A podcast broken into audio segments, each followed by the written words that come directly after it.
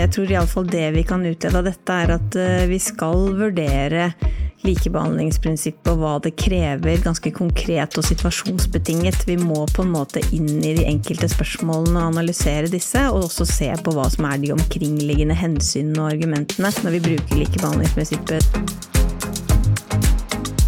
Hei og hjertelig velkommen til ny episode av Anskaffelsespodden, en podkast fra advokatfirmaet Simonsen Fugtvik, hvor vi tar for oss aktuelle anskaffelsesrettslige tema for å gi deg som lytter en faglig oppdatering innenfor offentlige anskaffelser. Ta med deg podkasten der du er, gjerne ut på tur. Takk for at du lytter til Anskaffelsespodden. Vi håper å gi deg nyttig faglig påfyll på en kort og konsis måte. Jeg heter Olav Haukeli og er advokat i Simonsen Fugtvik. Her jobber jeg med offentlige anskaffelser, både i form av tvisteløsning og rådgivning i pågående anskaffelser. Temaet for dagens episode er likebehandlingsprinsippet. Vi skal se nærmere på dette viktige EØS-rettslige prinsippet i lys av en ny dom fra EU-domstolen. Og med meg da har jeg min kollega Karin Fløystad. Velkommen til Anskaffelsespodden, Karin. Takk for det. Kan du begynne med å fortelle kort om deg selv og hva du jobber med? Ja, det gjør jeg gjerne. Jeg eh, er jo partner i Simonsen Fuktvik, vært det ganske lenge nå. Eh, sitter som medlem av KOFA i, eh, i, den andre perioden. Jeg er også leder av Konkurranseklagenemnda, så jeg jobber ganske mye med konkurranserett i tillegg til anskaffelsesrett, og så jobber jeg en del med statsstøttespørsmål. Jeg har også bakgrunn fra det offentlige, da, før jeg kom til Simonsen Fugtvik. Det er bra. Eh, temaet i dag er jo likebehandlingsprinsippet. Eh, det omtales jo gjerne som det viktigste prinsippet innenfor anskaffelsesretten.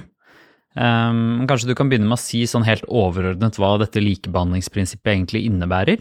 Ja, det er jo et prinsipp vi alle kommer eh, borti som jobber på dette området. Det er jo et uh, prinsipp som handler om helt i sin grunnleggende form, så handler det jo om at uh, like tilfeller skal behandles likt, og at ulike tilfeller ikke skal behandles likt, med mindre det er objektivt begrunnet. Og dette er jo et eh, prinsipp som er helt sentralt i anskaffelsesretten, men det er også helt sentralt i EU-EØS-retten egentlig helt generelt, og er jo egentlig den grunnpilaren som denne jussen eh, bygger på. Eh, tanken om, om, likebehandling er jo egentlig en helt essensiell forutsetning for at vi skal snakke om et indre marked, som jo er det EU-EØS-retten er. Det er jo litt sånn ulike sider av likebehandlingsprinsippet, da. Eh, man har jo ulike nivåer her, kan man si. Altså er det snakk om å behandle leverandører som er i en konkurranse likt, eller er det snakk om å behandle leverandører fra ulike land likt? Hvordan er det man liksom kan eh, kategorisere det likebehandlingsprinsippet nærmere? Ja, det er gode spørsmål, og det er jo ganske omfattende spørsmål du egentlig stiller der, som eh, det jo har vært skrevet, eh, skrevet mye om. Det helt grunnleggende er jo eh, så klart krav om at likebehandling gjør at all form for nasjonal diskriminering ikke er tillatt. Men det går jo lengre enn det, og likebehandlingsprinsippet eh, gir seg jo veldig mange forskjellige utslag eh, i den konkrete anvendelsen, som, eh, som, jo er helt i kjernen av det, vi, eh, av det vi skal snakke om her. Ja, og så nevnte du at innholdet i regelen er jo at man skal behandle like tilfeller likt og ulike tilfeller ulikt. Um, men så er jo kanskje da et sentralt spørsmål der, da, hva er uh, like tilfeller? Uh, altså man har jo Leverandører har jo ofte ulike forskjeller, der en har kanskje erfaring med noe som skal leveres, mens en annen ikke har erfaring med det. Er det like tilfeller? mens en leverandør er eksisterende leverandør til det offentlige, mens en annen ikke er det. Er det like tilfeller? Det er jo ganske vanskelig eh, regel å anvende, kanskje, i, eh, i mange tilfeller. Ja, det, det, er jeg helt enig i, og det eh, har vi jo ikke minst erfaring eh, for fra, fra KOFA-arbeidet, at likebehandlingsprinsippet påberopes jo veldig mange forskjellige sammenhenger, og det er kun i den på en måte konkrete operasjonaliseringen at vi ser hvilke utslag dette kravet til likebehandlingsprinsippet egentlig gir. Men det som er litt spennende med det vi skal videre inn på nå etter hvert, da, det er jo hvilken betydning har dette her med med hva er egentlig like tilfeller, og, og, hvordan skal man på en måte eh, gjøre den vurderingen nærmere, slik at man også fastlegger innholdet av prinsippet konkret i det spørsmålet som behandles, da. Ja, nettopp. Fordi det vi, som du da hinter om at vi skal videre inn på, det er jo spørsmålet om eh, hvordan likebehandlingsprinsippet slår ut når man vurderer å reservere en konkurranse for eh, det man kaller ideelle leverandører. Det er jo tema som har vært eh, mye diskutert eh, de siste årene, så kanskje du kan begynne litt med å fortelle om den problemstillingen og hvordan det per nå da er løst i Norge? Absolutt, og, og, kanskje også si litt om, om, overgangen mellom dette med den generelle likebehandlingsprinsippet, som er det vi har innledet med, og ned i det temaet som vi nå skal si litt mer om. fordi bare helt overordnet så har jo da likebehandlingsprinsippet og dets rammer og grenser aktualisert seg med en helt ny avgjørelse eh, fra EU-domstolen, og det er jo denne avgjørelsen som gjelder reservasjon for ideelle, som eh, vi skal snakke litt mer om, men også da hvilken betydning denne får for, eh, for det mer overordnede likebehandlingsprinsippet. Um, det jeg kan si om reservasjon for ideelle, er jo først kanskje kort om bare hva akkurat hva er det for noe, å reservere for ideelle.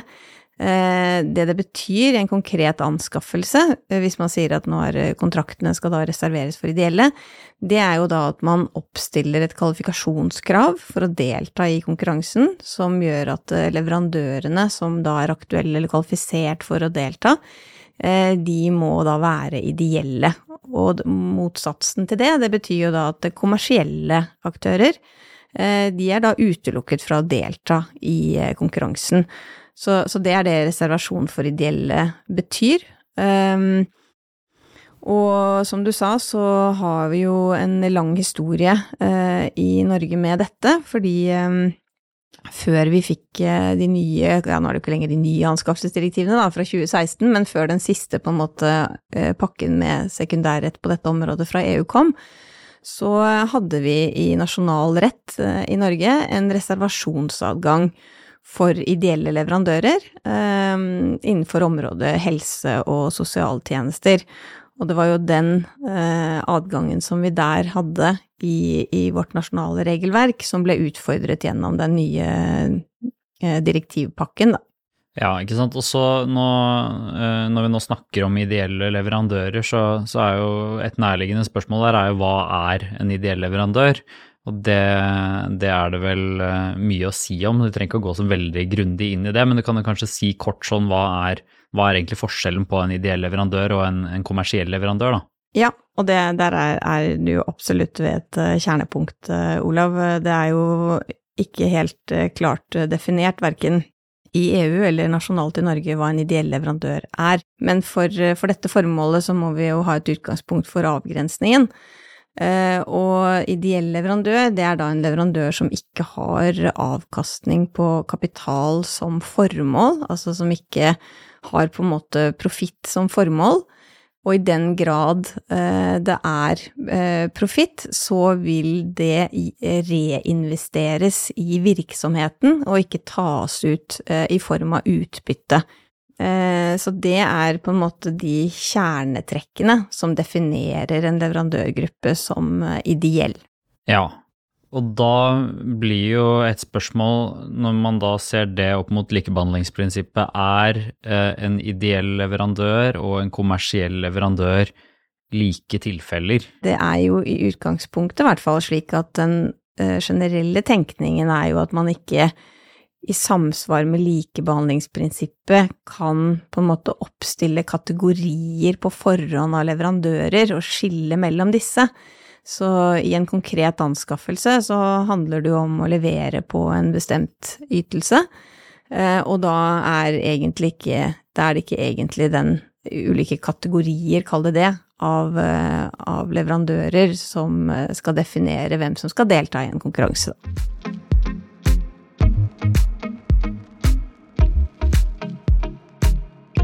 Og hvordan er dette nå uh, per i dag da, i Norge, før vi kommer inn på denne, den siste avgjørelsen fra EU-domstolen?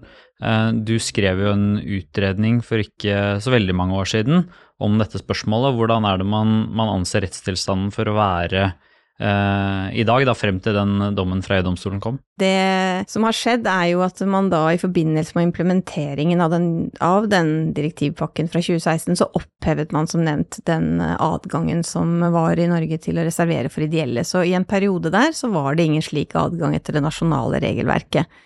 Så var det jo skrevet en del utredninger, det er flere utredninger som ble skrevet inn i denne tematikken, som handlet om hvorvidt eh, det var til hinder, altså om disse direktivene var til hinder for en slik adgang nasjonalt, fordi i Norge, så, og det også, deler vi også med andre skandinaviske land, både Sverige og Danmark, så var det et politisk flertall og ønske om å kunne reservere kontrakter innenfor dette området for eh, ideelle, og det har vært et ganske sånn tverrpolitisk ønske, det har egentlig ikke vært forankret, selv om man kanskje har ulik begrunnelse for hvorfor man har hatt det ønsket, så har det vært ganske tverrpolitisk ønske om å kunne gjøre det, og spørsmålet som da kom veldig på spissen, var jo om EU-retten var helt til hinder for dette. Og det ble det skrevet flere betenkninger om, hvorav noen konkluderte at den var det, og andre, som meg, konkluderte at den ikke var det og, eh, og, at det var et rom for dette. Og i lys av den uenigheten, kan man si, blant de i disse utredningene, så ble det vedtatt en ny bestemmelse i Norge om reservasjonsadgang for ideelle, som trådte i kraft i, i 2018. Og den har da noen rammer for adgangen til å reservere for ideelle, som er den bestemmelsen vi har i dag. Og, og, det har jo vært da på en måte rettstilstanden eh, i Norge, men den har jo blitt utfordret. Blant annet ligger det en sak i EFTA-domstolen om lovligheten av på en måte den bestemmelsen, av hvordan den er blitt anvendt i praksis blant oppdragsgivere, f.eks. Oslo kommune. Mm.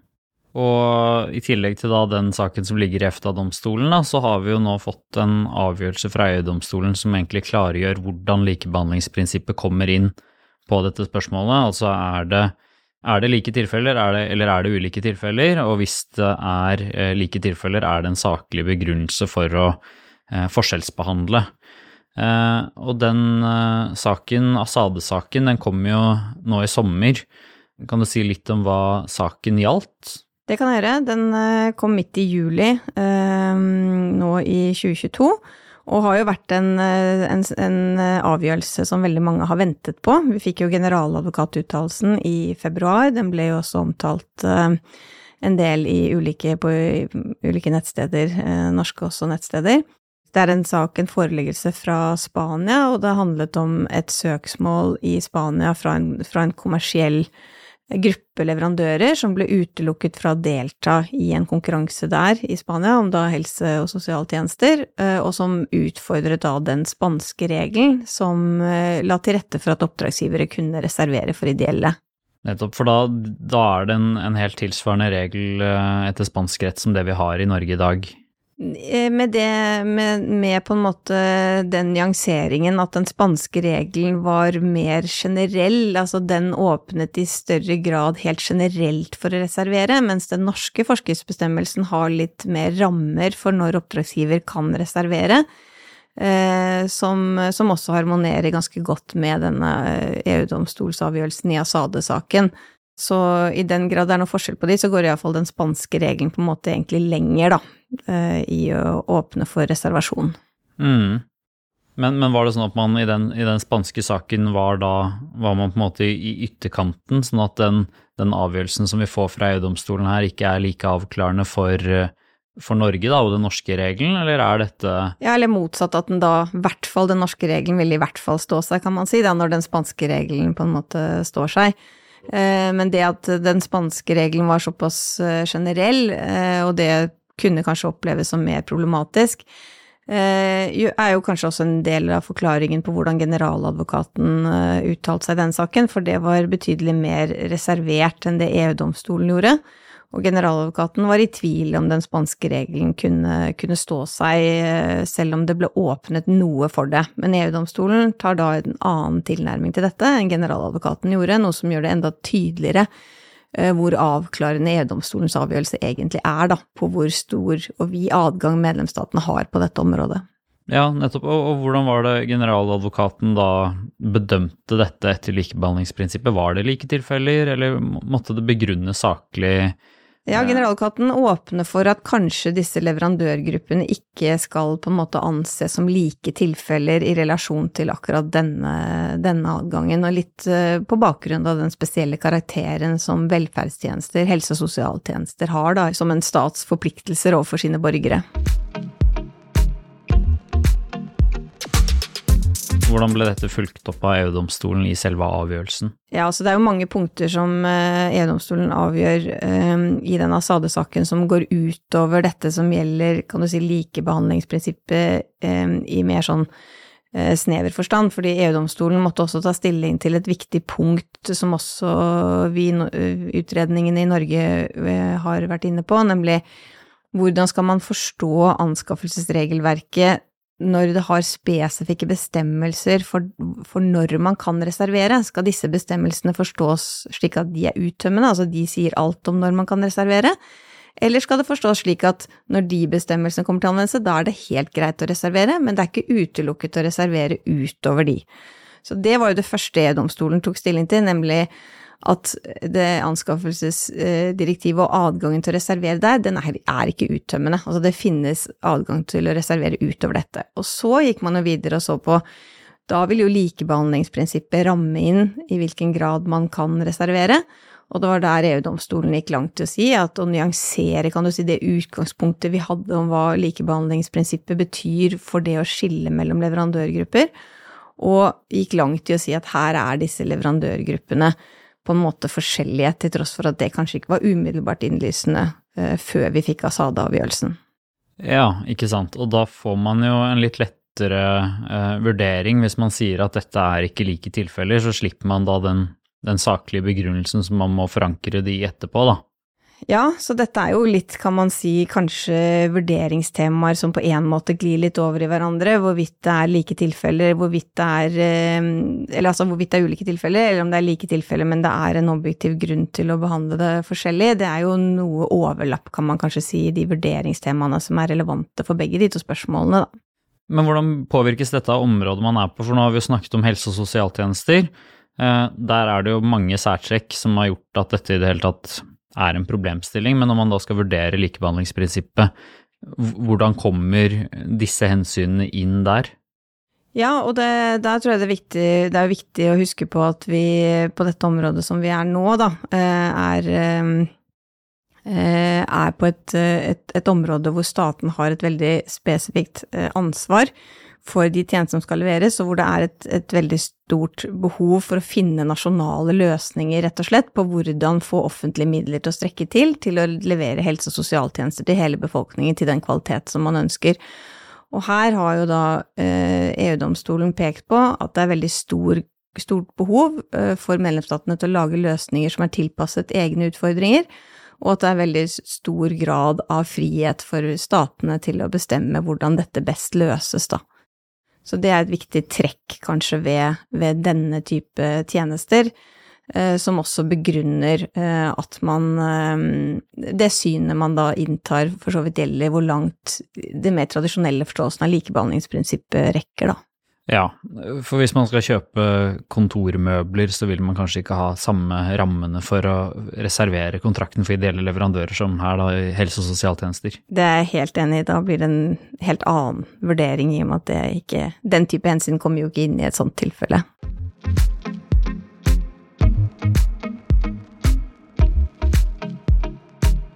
Hvordan blir det nå i Norge, da, i lys av denne avgjørelsen? Eh, du nevnte jo også at vi har en, en dom eh, som snart kommer fra EFTA-domstolen etter hvert, da. Men, eh, men, tenker du at norsk rett sånn som det er innrettet nå, er i tråd med de avklaringene som kommer fra EU-domstolen, eller er det behov for å gjøre noen endringer og avklaringer i norsk rett? Ja, vår vurdering nå er jo er jo at den norske bestemmelsen, den eh, har jo for så vidt Jeg har jo for så vidt ment at den sto seg hele tiden, men det, den, men det som synes eh, Ja, jeg vil si ganske klart nå, er jo at med denne avgjørelsen fra EU-domstolen, så er det vanskelig å se hvordan man skal angripe den norske bestemmelsen til å være i strid med de kravene både som følger av direktivet, og det som følger av de generelle prinsippene, inkludert likebehandlingsprinsippet. Eh, og den norske bestemmelsen forutsetter at oppdragsgiver gjør en konkret vurdering eh, i, i, den enkelte anskaffelse om hvilke behov som en slik reservasjon vil eh, Altså som, hvilke behov som begrunner en slik reservasjon, og som forankrer det til prinsipper om solidaritet og budsjettmessig effektivitet. Eh, slik at, eh, slik at, det er rammer, selvfølgelig. Det er jo for, for, en reservasjonsadgang etter den norske bestemmelsen, og det er godt i tråd med det EU-domstolen legger vekt på som de hensynene som tilsier at det skal være adgang til å reservere, da. Så da er det egentlig opp til oppdragsgiver som i den enkelte anskaffelse vurderer å reservere, og klarer å begrunne at vilkårene er oppfylt der og da for at det ikke skal bli strid med likebehandlingsprinsippet, er det sånn å forstå? Ja, eh, det er sånn å forstå, og de kravene som stilles til oppdragsgiver der, er nok ikke, er nok ikke altfor krevende, men man gjør en konkret vurdering og forankrer den eh, beslutningen, da, i de hensynene som, eh, som, her, er, som her er relevant. Vi var litt inne på det tidligere at likebehandlingsprinsippet er jo det er jo veldig vanlig, eh, vanlig å, å, basere seg på i en avgjørelse, eller at man baserer et argument på det i en sak. Eh, og så har vi nå fått en, en, god avklaring av hva likebehandlingsprinsippet inneholder på dette området i denne saken. Hvordan tenker du at dette kan være relevant for andre deler av anskaffelsesretten som, som ikke gjelder dette spørsmålet om å reservere for ideelle leverandører? Ja, det er et godt spørsmål og ikke veldig enkelt å, å besvare. Eh, jeg tror iallfall det vi kan utlede av dette, er at eh, vi skal vurdere likebehandlingsprinsippet og hva det krever, ganske konkret og situasjonsbetinget. Vi må på en måte inn i de enkelte spørsmålene og analysere disse, og også se på hva som er de omkringliggende hensynene og argumentene når vi bruker likebehandlingsprinsippet. Det er, det er Eh, for å si det sånn, ganske langt unna en sånn formalanvendelse av dette prinsippet, og, og at det er, det er, noe vi kan ta med oss som er mer en generell lærdom fra denne saken. Og, og den avklaringen som nå har kommet, og som, eh, og som, som jo er viktig utover bare den også veldig viktige avklaringen det er på dette området. Helt uh, avslutningsvis, uh, hvordan tenker du at dette vil få uh, betydning fremover? Tror du det blir lettere å reservere? Hvilken, hvordan, hvordan, tror du det vil slå ut for de oppdragsgiverne da, som, som er aktuelle for å reservere kontrakter for ideelle leverandører? Ja, det er jo viktig at dette, dette, er en bestemmelse som er en kan-regel, sånn at det er opp til oppdragsgiver om det er hensiktsmessig og ønskelig å gjøre dette. Og om oppdragsgiver eh, ikke ønsker det, så er det ingen forpliktelse til å, til å, å reservere. Um, hva de enkelte oppdragsgiverne vil ønske, vil nok være både avhengig av oppdragsgiver selv og det markedet man henvender seg til, og den type tjeneste som man etterspør. Fordi det finnes områder uh, hvor man har um, hvor markedene er lagt godt til rette, egentlig, for det vi ofte kaller en sånn velferdsmiks, hvor det man ønsker egentlig er en kombinasjon av at offentlig leverer deler av disse helse- og sosialtjenestene, det ideelle leverandører leverer deler av dette, og de kommersielle leverer deler av dette, og så får vi en velferdsmiks. Så det er jo også en, et viktig prinsipp eh, i Norge.